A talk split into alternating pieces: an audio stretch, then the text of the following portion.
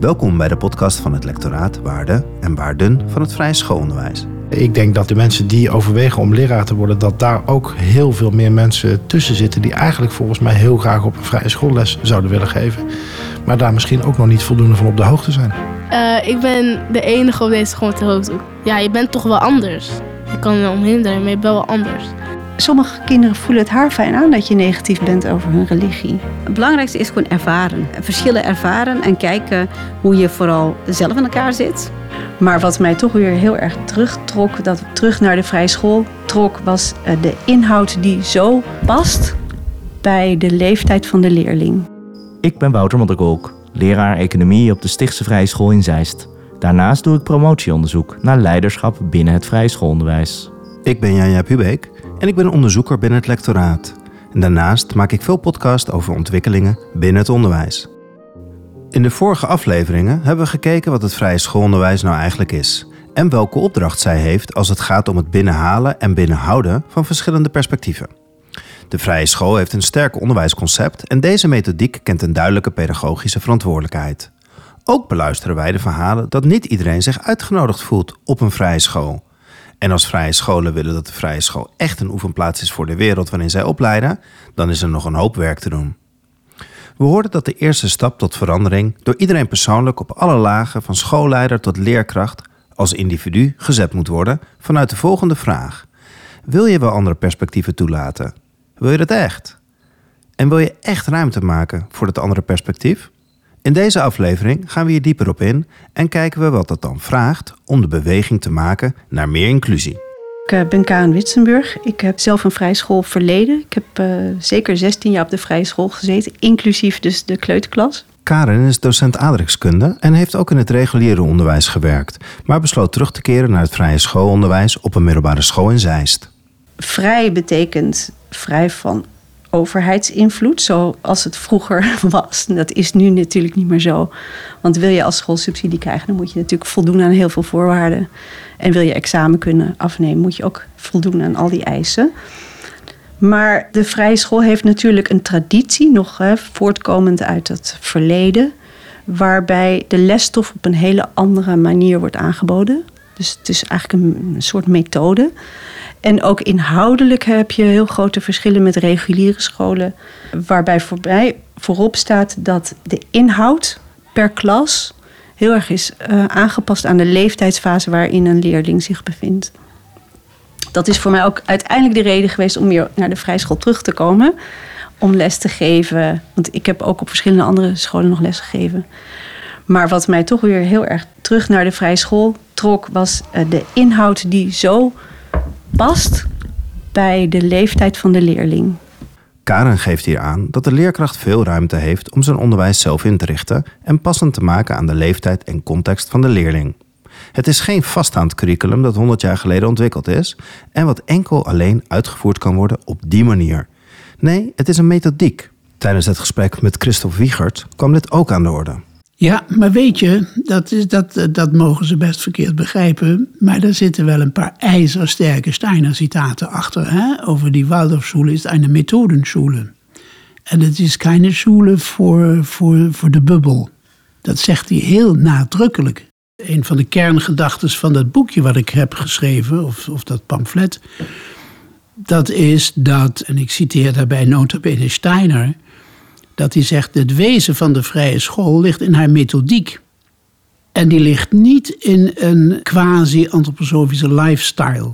Ik vind het super interessant om te kijken: kunnen we de vrije schoolmethodiek definiëren als een grote set van methodische instrumenten die de vrije school uitmaken?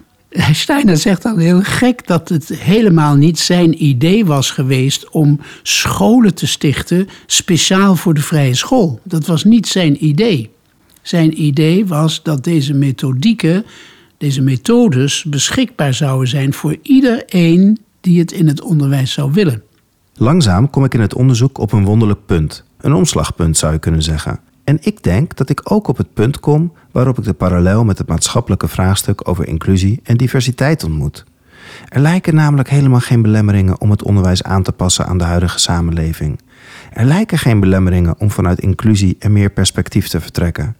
De vrije school wil opleiden voor die veranderende samenleving en de methode geeft ruimte om aan te sluiten bij de ontwikkeling van de leerlingen en kan daarbij dus ook aansluiten bij kinderen met verschillende maatschappelijke of culturele achtergronden. Het kan.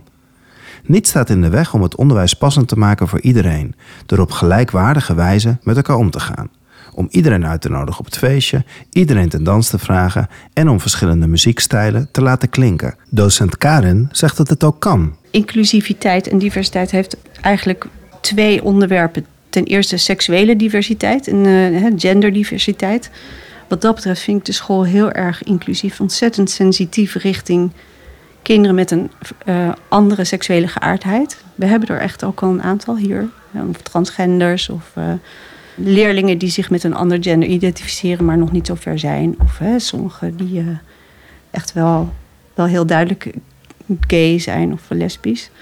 ook leer, leraren trouwens. Dus in die zin vind ik de school eigenlijk een hele veilige indruk maken. Wat is de key to succes daarvoor? Waarom kunnen zij zich daar veilig binnen bewegen? En is het ook blijkbaar veilig om daarvoor uit te komen? Wederzijds, zowel leerlingen als leerkrachten? Nou, sowieso acceptatie en respect. En dat het uh, absoluut normaal is. Leraren komen daar ook gewoon voor uit. Ik denk dat dat helpt. Wij hebben natuurlijk de regenboogvlag uh, hangen. En uh, Paarse Vrijdag wordt gevierd. Ik denk dat het allemaal helpt. Als, als je zo mooi naar kinderen kijkt en, en ja. wat je net ook zegt naar gendervraagstukken heel inclusief. En, en, en, en welke afslag lijkt hier gemist? Nou, er is natuurlijk niet zo heel veel ervaring op de vrijschool met, met moslimkinderen. Er zijn er niet zoveel.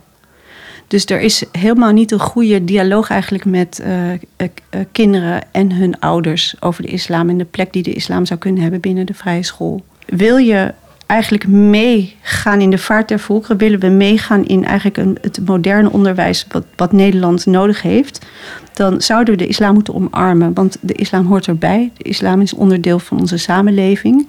Heel veel mensen weten er veel te weinig van. Dus ik hoor ook wel eens collega's dingen zeggen over de islam. Dat ik denk, joh, je weet, je weet er helemaal niks van. Je weet hier niks van af. Maar sommige kinderen voelen het haar fijn aan dat je negatief bent over hun religie.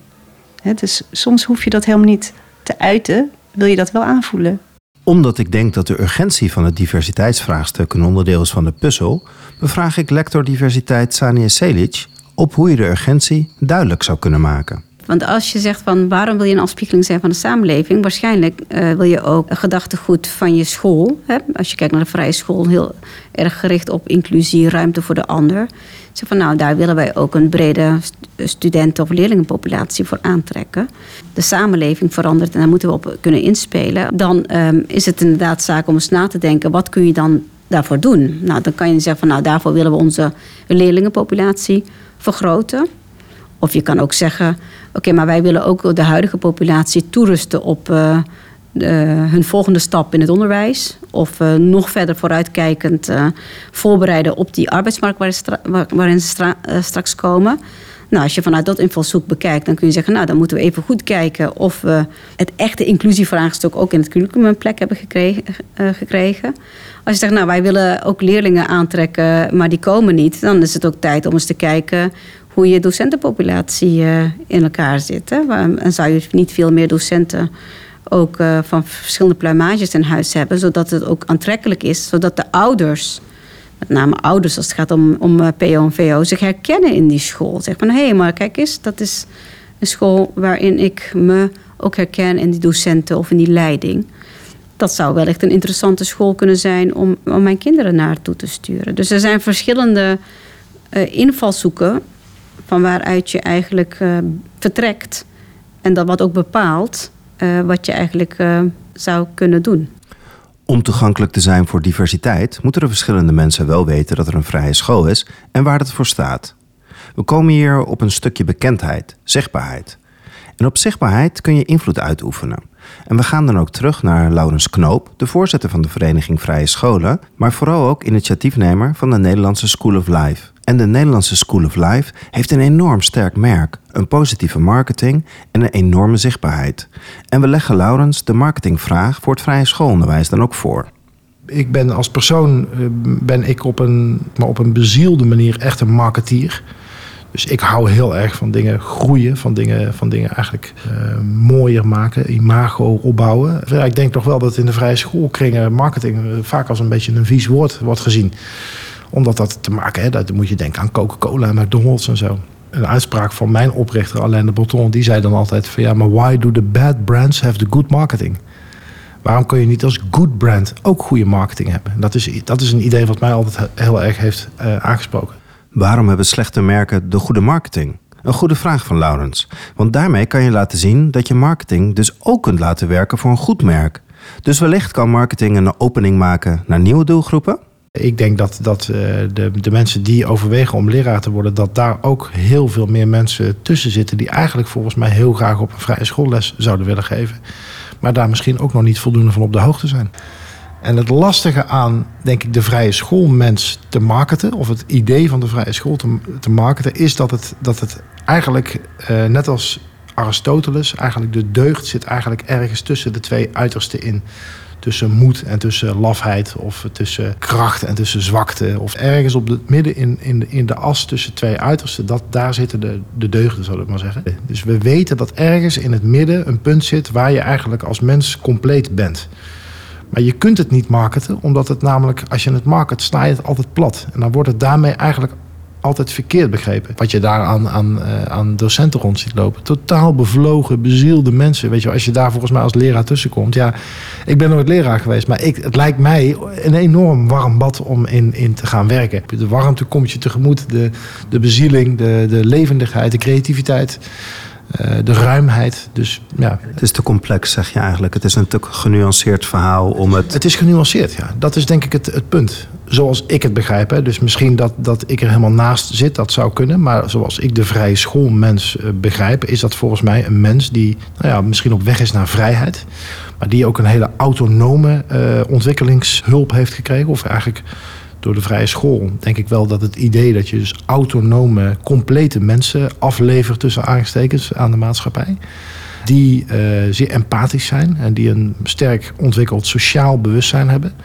Uh, sociaal-emotioneel intelligent zijn, zo je wilt. Waarbij uh, natuurlijk ook het creatieve stuk bovenmatig veel aandacht heeft gekregen. Ik hoop ook, en dat is vaak een misvatting die bijvoorbeeld voor mijn School of Life ook geldt dat wij worden vaak wel geassocieerd met uh, vage spirituele toestanden. Daar heb ik op zich weinig op tegen. Maar wat wij bij de School of Life doen... en wat ik eigenlijk bij de vrije school ook wel heel belangrijk vind... is dat we wel altijd dat cognitieve stuk heel serieus blijven nemen. Laurens geeft aan dat je niet met one-liners de vrije school kunt vermarkten... en dat het geen truc is om meer bekendheid te vergaren... of meerdere perspectieven uit te nodigen in te stappen. En daarmee kom je dan ook snel op de strategie van mond-op-mond reclame. De verhalen van leerlingen of ouders zouden wel van meerwaarde kunnen zijn voor meer bekendheid. Maar laat dit echter nou net een pijnpunt zijn in ons onderzoek. Uh, ik ben de enige op deze met de hoofddoek. Ja, je bent toch wel anders. Ik kan omheen draaien, maar je bent wel anders. Natuurlijk is het goed om meerdere, ja, meerdere buitenlanders hier op school te hebben. Zou ook leuk zijn voor de anderen. Eigenlijk zou ik het niet aanraden, puur om het gevoel. Want je voelt je wel echt thuis met mensen. Bijvoorbeeld, ik ben Marokkaans met andere Marokkanen om mij heen. Dan weet ik wat ik kan doen, wat ik kan zeggen. Bijvoorbeeld, bepaalde dingen kan ik gewoon hier niet zeggen, puur omdat ze hun bijvoorbeeld niet begrijpen. Als ik bijvoorbeeld Marokkaans praat of zo. Het is wel anders met mijn buitenlandse vrienden en met mijn Nederlandse vrienden. Wouter en ik gaan terug naar Nina en vragen hoe het voor haar was om als meisje, die niet uit de vrije schoolbubbel komt, een kleur heeft, een andere bestedingsnorm heeft, op een school te komen met klasgenoten met meer wilde en die een langere traditie kennen binnen de bubbel. Maar toen ik op een vrije school open dag kwam, ja, het voelde echt als een warm bad. Ik dacht van, hé, hey, dit is een school die juist wel ja, de mens zag, die, die ook het type mens zag wat ik was, dacht ik. Van, oh ja, hier voel ik me gezien. Uh, deze, iedereen was heel aardig. Ja, al die creatieve vakken die leken me heel leuk. Want ik dacht, nou, dat heb ik allemaal nog nooit gehad bij mij op school. Kunst, dat was helemaal niet een ding. Dus uh, ik vond dat heel erg tof dat het echt heel anders was dan uh, de wereld waar ik vandaan kwam. En dat trok me heel erg aan. Maar ik was toegelaten, daar was ik heel blij mee. Maar ik was wel de eerste hier uit de buurt die, uh, die naar de vrije school ging. En was je dan ook toen je startte aan de vrije school een van de weinigen met een kleur? Ja, ik was een van de weinige personen van kleur. Altijd gebleven in uh, de tijd dat ik erop zat. En ik was ook wel een van de weinige personen uit een gezin met een wat lager inkomen. Het was best wel een gekke ervaring. Eh, want het was zoals ik zei, dus een hele andere wereld dan ik kende. En een wereld die beter paste bij mij als individu. Bij de dingen die ik fijn vond om te doen. Eh, waar ik me dus eigenlijk heel erg fijn voelde. Van oh, ik kan, eindelijk ben ik op een plek waar ik me gezien voel. Dat aan de ene kant. En aan de andere kant liep ik ook wel tegen veel dingen aan. Het zijn echt van die kleine dingen als het schoolgeld was zo hoog. Dat was voor mijn moeder altijd wel iets waar ze zich veel zorgen om maakte. En dan werd er bijvoorbeeld op school verwacht dat je. Nou ja, het zijn allemaal normen, dat heb je natuurlijk overal. Maar toen ik op de vrije school kwam eh, en voor het eerst les had in tekenen, ja, werd ik nogal uitgelachen om de manier waarop ik tekende. Dat had ik nooit geleerd. Uh, en al die kinderen die de vrije basisschool hadden gedaan, natuurlijk wel. Uh, maar ook om welke potloden ik had. Want je hebt op de vrije school van die, van die dikke potloden. Nou, best wel dure, mooie potloden. En dat, uh, ja, dat was wel een soort ding dat je dat moest hebben. Maar die waren onbetaalbaar voor ons. Dus ik kwam aan met mijn goedkope potloodjes waar ik het altijd mee had gered op de basisschool. En uh, ja, dat was toen wel een beetje een shock van nee, dit is echt, dit is niet goed. En, en dat, die normen zijn er op de school, maar ook tussen leerlingen onderling vaak had ik wel dat ik dacht: oh, wacht, ik hoorde hier even niet meer bij. En ook dingen die voor ons als gezin wel moeilijk waren. Mijn moeder was alleenstaande moeder. Uh, we kwamen net rond. En die vrije school was wel echt een, een aanslag op, uh, op de financiën in het gezin. Was je daarvan bewust als 12, 13 jaar? Ja. ja, sowieso als je opgroeit in een gezin waarbij je altijd net kunt rondkomen. Echt net. Maar de, de wasmachine moet niet kapot gaan dan is dat iets wat je meekrijgt. Dan levert dat zorgen op. En dat waren wel zorgen waar niemand zich in herkende bij mij op school. Ja, sowieso is het natuurlijk met, um, met schoolkosten dat eigenlijk formeel is het vrijwillig. En ook het geldt voor excursies en zo. Maar heel veel scholen ofwel overtreden die uh, regels of ja, manipuleren je een beetje of zetten je onder druk om toch wel het idee te hebben dat het verplicht is. Dus dat is niet per se vrije school eigen, maar dat is wel iets wat ook op de vrije school gebeurt. We hadden hele hoge kosten voor de vrijwillige ouderbijdrage. Daarvan weet je dat het vrijwillig is. Maar alles wat, wat los stond daarvan, dus uh, reisjes en zo, die werden los in rekening gebracht. En er werd wel voorbereid op dat we in, uh, in de elfde naar de, op kunstreis gingen. Dat was nou, 600 euro uit mijn hoofd. En daar werd je wel op voorbereid. Nou, dat is een, een grote hap geld. Ik denk dat heel veel mensen zich niet realiseerden dat dit zo'n grote hobbel was. Voor gezinnen zoals die van mij. Want bijvoorbeeld voor de kunstreis werd er gezegd: er is, een, er is een potje waar je aanspraak op kan maken als je het echt niet kan betalen. Nou ja, dan als ouder. Ik denk, het gold in elk geval voor mijn moeder, maar ik denk voor meer ouders dat je dat liever niet wilt. Dat je denkt: nee, joh, ik wil mijn kind alles kunnen geven. Uh, ik wil daar niet aanspraak op maken. Maar het was niet standaard. Het was niet als je het kunt betalen, doe het dan. Maar het hoeft niet. Het was wel een beetje, wat is de bedoeling? En als het echt niet lukt, dan zijn er potjes. Maar dat heeft toch een soort afschrikkende werking. Want daardoor denk je wel, oké, een school waar het blijkbaar normaal is dat je zoveel geld kunt missen. En waar dan ook wordt gezegd, nou anders kunnen we ons onderwijs niet meer vormgeven zoals we doen. Want het is nou eenmaal heel duur en we krijgen te weinig financiering van de overheid. Wat allemaal waar is. Maar het geeft wel een signaal af van dit is niet per se de plek voor jou. We kunnen wel een uitzondering voor je maken. Maar het is wel normaal dat je dit doet. En er werd ook niet altijd gecommuniceerd dat het vrijwillig was. Dus dan ben je als ouder aan het sparen voor een kunstreis van 600 euro. Dan denk je, oké, nou dat moet ik dan betalen. Dat is gewoon een hele hoop geld voor ons. En dan doe je je best om dat bij elkaar te sparen. En dan komt er het jaar voor de kunstreis nog eventjes survival camp voor 280 euro. Wat je niet wist dat dat zo duur zou zijn. Ja, dat leverde wel wat zorgen op bij ons in het gezin. En mijn moeder heeft het uiteindelijk allemaal voor elkaar gekregen. Maar ja, het gaat niet zo makkelijk als bij de kinderen die gewoon die brief naar hun ouders brengen en waar het verder niet besproken wordt. Docent Karen herkent het beeld dat een leerling met een andere achtergrond het niet altijd makkelijk heeft op een vrije school. Vanwege achtergrond, thuissituatie of kleur. Dan geef jij in het voorgesprek aan dat jij een dochter hebt met kleur. Kan jij ons even meenemen, hoe is het haar vergaan op een vrije school? Ja, um, ik heb twee dochters. Eentje is uh, 26 al en de andere is 17. Ze hebben allebei de basisschool en de kleuterklas gedaan de vrije school. Allebei vrij problematische dingen meegemaakt. Dus uh, mijn oudste die werd eigenlijk meteen in de kleuterklas al voor poepkind en dropkikker en ja, dat soort dingen uitgemaakt. En de lerares stond helemaal niet open voor mijn klacht hierover. Zodat ik haar uiteindelijk van school heb gehaald. En een jaar later eigenlijk weer terug heb gebracht toen er een nieuwe lerares was. En ik had meteen haar geattendeerd van wil je alsjeblieft zorgen dat dat niet gebeurt. De ervaring van Karen laat zien dat het verschil gemaakt wordt door de leerkracht. Het is niet het systeem, niet de methodiek die het verschil maakt in kijken naar kinderen. Het is de leerkracht zelf. Maar als het dan de persoon is die dit vraagstuk kan blokkeren, dan zijn er dus ook personen die het vraagstuk kunnen oplossen. Wouter en ik gaan dan ook op zoek naar een goed voorbeeld van omgaan met verschil. Van een inspirerend voorbeeld waarin het wel gebeurt. Zoals lector Sanje Selic zei. Het succes van dit vraagstuk, en dat betekent dus acceptatie van de verschillen, begint toch met het individu die daar wel of geen ruimte voor geeft. En op deze zoektocht komen we op een nieuwe basisschool in Amsterdam-Noord, Waldorf van der Werf. En Jamila Blom, de directeur, neemt uitgebreid de tijd voor ons om haar verhaal te delen. Ja, we zijn in Amsterdam-Noord. Onze prachtige mini-school Waldorf van der Werf. Waarom moest deze school er komen? Nou, er was een oude initiatiefgroep. En die wilde gewoon heel graag een Waldorfschool in Noord.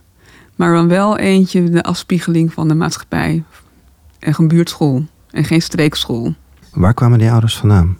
Nou, ik ben Lotte Kanters en uh, ik ben uh, theaterdocent en uh, medeoprichter van Waldorf van de Werf. In eerste instantie is het heel praktisch ontstaan. Namelijk, er was één vrije school in Amsterdam-Noord. Wij um, zitten aan de andere kant van uh, Amsterdam-Noord. Amsterdam-Noord is een groot stadsdeel. Zitten aan de westkant. En daar was geen vrije school. En we hadden een aantal ouders die zeiden... wij willen hier graag vrije schoolonderwijs. En toen wij begonnen met um, hoe krijgen we dat dan voor elkaar, dan moet je heel veel, uh, het is een heel ingewikkeld proces. Toen uh, gingen we natuurlijk ook nadenken over, maar wat voor school moet dat dan eigenlijk worden? Want we dachten in één keer, oh, als wij dan een school gaan opzetten, dan willen we geen vrije school zoals we hem gewend zijn. Want wij, um, nou, wij wilden een school in de buurt die ook in de buurt staat. En die de pracht van het vrije schoolonderwijs met zich meedraagt, maar ook de buurt laat zien en past bij de buurt. En dat was wat er nog niet was eigenlijk. Waldorf van der Werf wil uitgaan van inclusiviteit. Ze willen toegankelijk zijn voor meer perspectief. Maar in de praktijk is het niet eenvoudig. Christo Wiegert gaf in ons gesprek hier een voorbeeld van waarom het nou zo moeilijk is om ouders met diverse achtergronden te interesseren voor vrije scholen. Ik weet niet of dat nou politiek correct is om dat voorbeeld te geven, maar ik zat een paar weken geleden weer van Schiphol naar Den Haag in een taxi, omdat het openbaar vervoer ingestort was met een Turkse taxichauffeur. Een ziel van een man. Toen we hier aankwamen, mijn vrouw en ik, gaf hij ons twee croissants voor het ontbijt en een flesje water en een reepje chocola. Het was, het was fantastisch. Ja, die man die vertelt uit zijn leven. Wat is zijn leven? Dat hij naar Nederland kwam om zijn kinderen kansrijke opvoeding te geven. En die hebben ze genomen. En die kinderen van hem zijn supergoed terechtgekomen.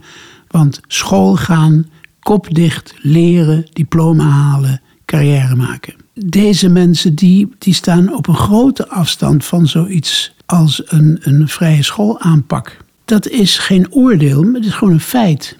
Die staan daar op hele grote afstand van, want dat is hun ding niet. Hun ding is om succes te hebben zo snel mogelijk als het kan in deze westerse wereld. Ik ben niet iemand die hun dat kwalijk neemt. Maar ik zie wel daardoor een hele grote afstand tussen dat wat een vrije school wil en dat wat geaccepteerd kan worden uit andere etniciteiten. Die zo niet kunnen kijken, of zo niet gewend zijn te kijken, of zo niet willen kijken. De oude initiatiefgroep riep de hulp in van Henena Abaidi om de school verder te ontwikkelen, maar ook om de bekendheid van de nieuwe vrije school te versterken. Wij bevragen Henenne hierop. Als er een school is waar je geen moeite hoeft te doen om instroom te krijgen van witte hoogopgeleide ouders, dan moet je of een Montessori-school oprichten of een vrije school. Henenne Abaidi zet vervolgens uitzonderlijke stappen om ouders met andere culturele en religieuze achtergronden te bereiken. Dus dat betekent dat wij onze tijd en energie gaan vestigen in de wijk ingaan. En gewoon uh, de burgers daar actief bevragen uh, of ze kinderen hebben. En zo ja, uh, wat voor hen bepalend is bij het maken van een schoolkeuze. Dus zijn- ik ben echt in de supermarkt gaan staan in de buurt bij koffieapparaten. En dan kwamen eh, de ouders ochtends vroeg en dan ging ik gewoon op afstappen en vragen van... hey, heb je kinderen? Ja, nou, gaan ze al naar school. Ja, nou, de school hier om de hoek. Wat maakt dat je je kind daar op school hebt eh, ingeschreven? Dus echt gewoon kijken naar wat hun beweegredenen waren. En dan vertelde ik ze over het initiatief Waldorf aan de Werf. Eh, ik vertelde ze over wat eh vrij schoolonderwijs inhield. Maar niet op de manier waarop het zeg maar gepromoot wordt. Op de websites of in de boekjes. Nou, ik heb vooral gekeken van als allereerst gewoon echt kijken wat vinden ouders belangrijk. Ik wat vind jij belangrijk eh, bij het maken van een schoolkeuze? Nou, dat mijn kind het fijn heeft op school. Oké, nou, ehm, wat vind je straks belangrijk gedurende de hele schoolcarrière? Eh, ja, nou, dat, mijn kind het fijn heeft. Dan dacht ik, oké, dan ga ik even naar de angsten vragen. Waar ben je eigenlijk bang voor? Wat, wat, wat zou zeg maar je worst case scenario zijn als je kind straks van school gaat? Ja, dat mijn kind in de criminaliteit belandt. Of dat mijn kind een laag CITO-score heeft. Of... Oké, dus nou, veiligheid is belangrijk en een hoge CITO-score. Waarom is die hoge CITO-score belangrijk dan? Ja, dan weet ik dat mijn kind een goede studie kan volgen... en gewoon betere kansen heeft dan ik. Nou, dat, dat vond ik wel interessant. En toen dacht ik van, oké... Uh, dus die focus op talen rekenen is puur vanwege het feit dat ze weten dat kinderen daar straks op getoetst gaan worden. Dus, hè, dus als je het gaat hebben over creatieve vakken, dat wordt gezien als een soort van uh, ja, gezelligheids- en bezigheidstherapie. Uh, leuk als we de luxe hadden en de privileges om dat ook te kunnen doen. Maar wij moeten overleven. Dus ik wil gewoon dat mijn kind het beter heeft. Dus toen dacht ik van oké, nou maar waarom is creatief onderwijs namelijk, waarom is het nodig? Nou, omdat het andere delen van het brein activeert en stimuleert, zodat het cognitieve weer gestimuleerd wordt. Dus ik ben het eigenlijk zo gaan uitleggen. dat dat nodig juist is om juist die verrijking ook in talen rekenen uiteindelijk te krijgen. Maar ook sociaal-emotioneel. Hoe belangrijk is het straks dat jouw kind de grenzen kan aangeven wanneer het aan het werk gaat. En, en, en ook gewoon duidelijk kan aangeven, maar dit is wat ik, dat, dit is wat ik fijn vind, dit is wat ik wil leren. Nou, en ouders werden daar gewoon enthousiast van. Van, oh, maar bestaat er dan zo'n type onderwijs? En dan legde ik ook uit van, er is niet één methode. Het wordt op twintig verschillende manieren bijna aangeboden, talen rekenen. Dus er is altijd wel een manier die veel beter aansluit bij je kind... dan hè, één methode wat, wat, wat, wat je kind misschien in het regulier onderwijs zou krijgen. Oh, dus het feit dat mijn kind niet goed scoort op talen rekenen... wil dus niet zeggen dat het aan mijn kind ligt. Henenne laat hier zien dat het bewustzijn over het onderwijs op vrije scholen beïnvloed kan worden. Maar dat is een grote klus. En gedeelde inzet hiervoor zou misschien helpend kunnen zijn. Wouter bevraagt daarom directeur Jamila Blom hoe dit ingewikkelde vraagstuk in het bestuur van de school leeft. En hoe zie je dat als je naar de vrije scholen kijkt? Je vertelt, uh, Waldorf aan de Werf maakt deel uit van een stichting uh, met vrije scholen uh, die niet de nadruk leggen op intercultureel onderwijs. Wat kunnen zij doen om ook intercultureel te worden? Of wat doen ze misschien nog niet? Of waar zit de blinde vlek? Of welk gesprek is er nog niet gevoerd? Veel vragen. Ja. waar moet ik beginnen? Nee, ik weet niet zo goed waar, um, welke gesprekken er nog niet gevoerd zijn op die scholen. Maar dus, want ik ben, kom natuurlijk niet, maar op directieniveau, want met alle directeuren komen regelmatig bij elkaar, merk ik steeds meer dat de directeuren de urgentie voelen om er wat mee te doen. Maar de stap om daadwerkelijk wat te doen, die is dan groter dan de urgentie voelen. Wederom komen we terecht op het antwoord wilskracht. Een school laat zien dat het anders kan, andere scholen kunnen daarvan leren. En wonderlijk genoeg ervaren andere scholen wel de urgentie, maar de stap om het te gaan doen wordt niet genomen. Het ontbreekt wellicht aan wilskracht. Willen we eigenlijk wel veranderen? Dat is denk ik een belangrijke vraag. En het antwoord op die vraag vond ik bij onder andere Ida Oberman. En zij is een oprichter van een vrije school in Auckland, Verenigde Staten. En al 10, 15 jaar geleden is ze daar een school gestart midden in een sloppenwijk. Omdat zij zag, deze kinderen, die kunnen het vrije schoolonderwijs heel goed gebruiken. Omdat het vrije schoolonderwijs een antwoord biedt op de vragen die zij hebben. Dat was in een wijk, een sloppenwijk, ja, dat is het wel te noemen, waar op straat, als je daar overheen liep, de naalden van heroïne op de grond vond. Hoertjes liepen door de straat. En juist daar voelde zij: hier wil ik een vrije school starten. En dat is ze gaan doen. En dat vraagt een heleboel initiatief. En ze heeft in tien jaar een school gestart met hoe ze dat dan in de politiek noemen, kansarme kinderen. En ze heeft deze school laten uitgroeien tot een school die een van de best presterende scholen zijn van Californië. En dat tegen alle statistieken in, want volgens de statistieken zouden kinderen eh, met Afro-Amerikaanse achtergronden, Latino's, zouden heel slecht moeten scoren. Alleen het lukt haar. En ze krijgt geregeld ook de vraag vanuit media van, goh, waarom lukt het jullie? En haar antwoord daarop is de Waldorfpedagogiek. Omdat we echt door middel van het aanspreken van het hele kind, en niet alleen de cognitie met de taal die wij daarvoor hebben, maar echt het hele kind daarin willen aanspreken en steeds weer teruggaan naar wat is nou de bedoeling van het onderwijs.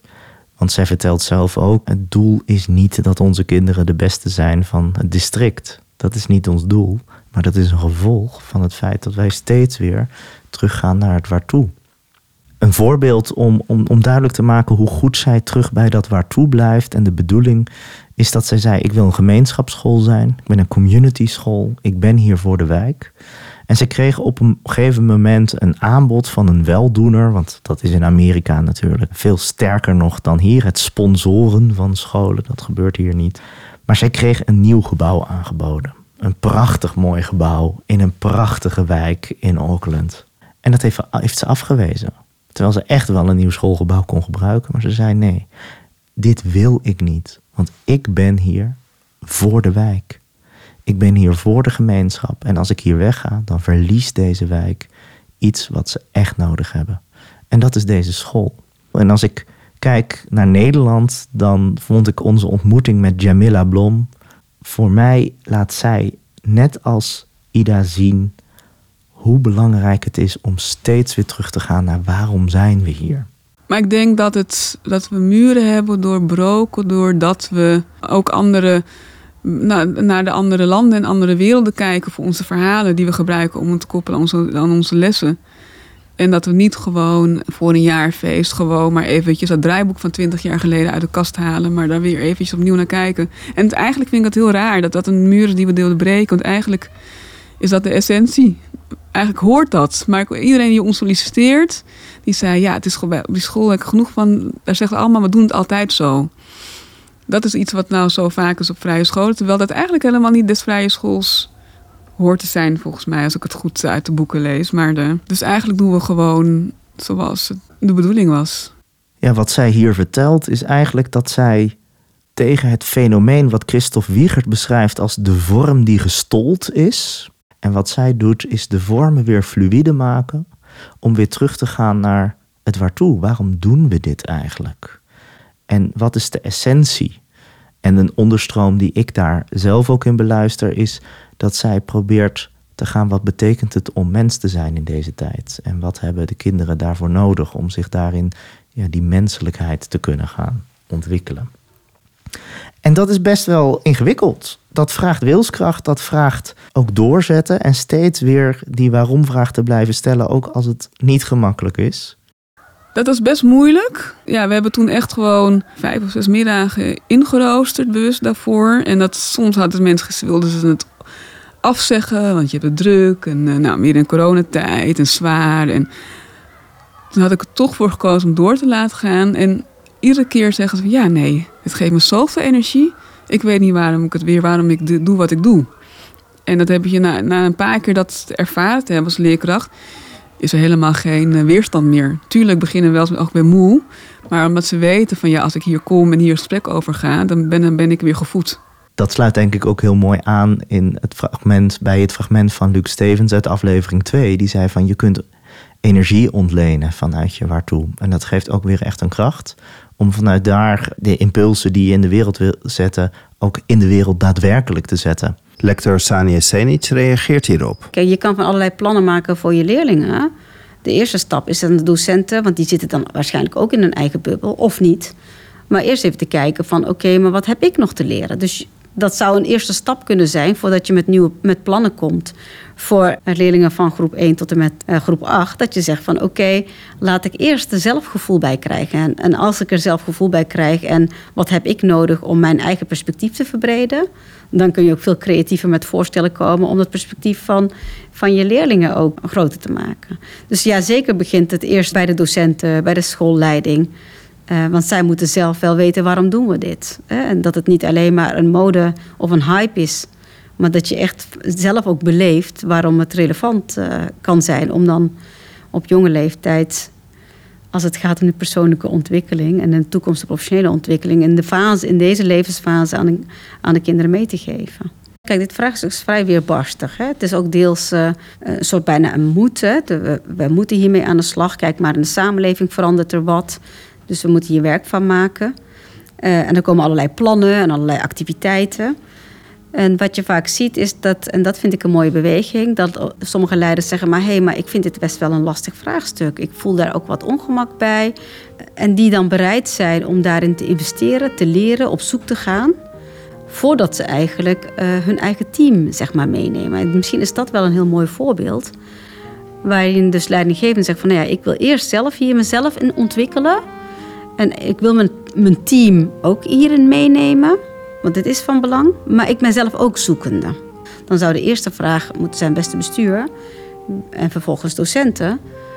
Wat is jullie gevoel bij dit vraagstuk? Want jullie moeten het strakjes overbrengen naar de klassen en de teams.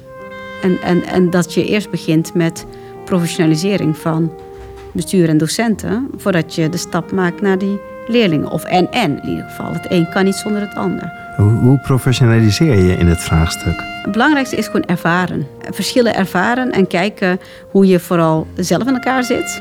Misschien is dat ook iets wat heel erg sluit bij het perspectief van vrije scholen. Hè? Hoe zit je als individu zelf aan elkaar en wat drijft jou? Wat zijn jouw waarden? En vervolgens uh, op zoek gaan naar die verschillen. Want de beste manier is gewoon ervaring opdoen met verschillen. Je luistert naar een podcast in de serie Waarde van het vrije schoolonderwijs, waar leden van de kenniskring inzichten en vragen delen over het vrije schoolonderwijs. Daarnaast komen in deze serie mensen aan het woord die vanuit hun ervaring of expertise hun licht laten schijnen op het vrije schoolonderwijs. Like deze uitzending zodat meer mensen ons makkelijker kunnen vinden. Tot de volgende aflevering in deze serie.